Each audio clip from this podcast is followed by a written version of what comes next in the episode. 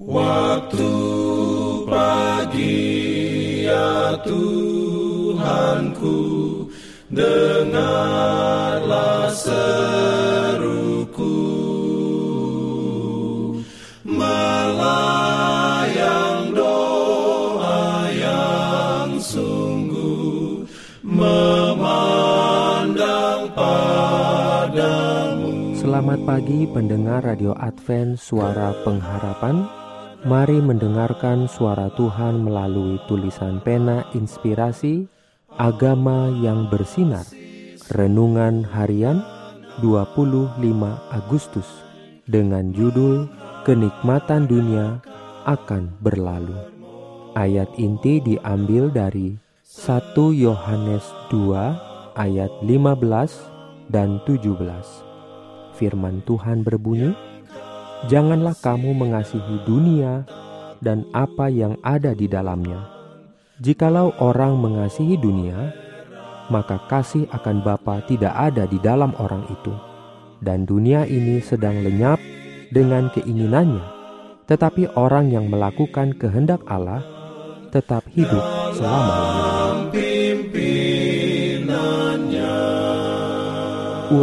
Sebagai berikut ada pecinta dunia, bahkan di antara mereka yang mengaku menantikan Tuhan. Ada ambisi untuk kekayaan dan kehormatan. Kristus menggambarkan golongan ini ketika Dia menyatakan bahwa hari Tuhan akan datang sebagai jerat atas semua yang diam di atas bumi. Dunia ini adalah rumah mereka. Mereka menjadikannya bisnis mereka untuk mengamankan harta duniawi. Mereka mendirikan tempat tinggal yang mahal dan melengkapi mereka dengan segala sesuatu yang baik. Mereka menemukan kesenangan dalam berpakaian dan memanjakan selera. Hal-hal duniawi adalah idola mereka. Jarak antara jiwa dan Kristus ini, dan antara keadaan damai dan yang menakutkan ini, yang memenuhi kita hanya terlihat samar-samar dan hampir tidak terlihat dan sangat tidak disadari. Kalau kita mau lebih banyak memikirkan Kristus dan negeri surgawi, kita akan mendapat dorongan dan dukungan yang berkuasa dalam memperjuangkan peperangan Tuhan.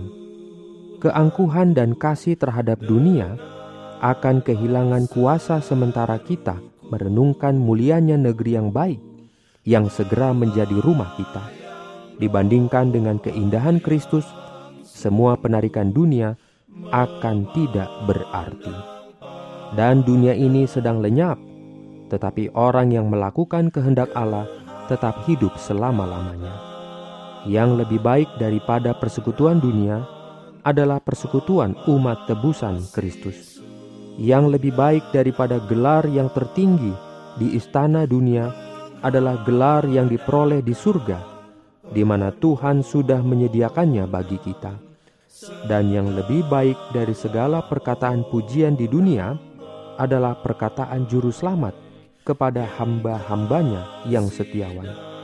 Mari hai kamu yang diberkati oleh Bapakku, terimalah kerajaan yang telah disediakan bagimu sejak dunia dijadikan. Amin.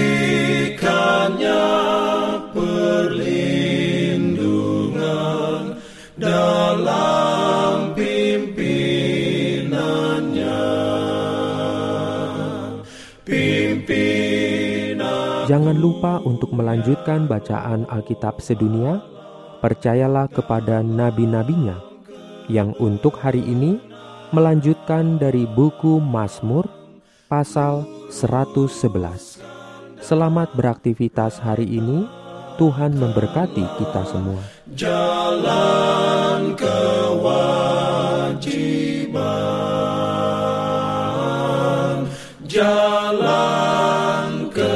love.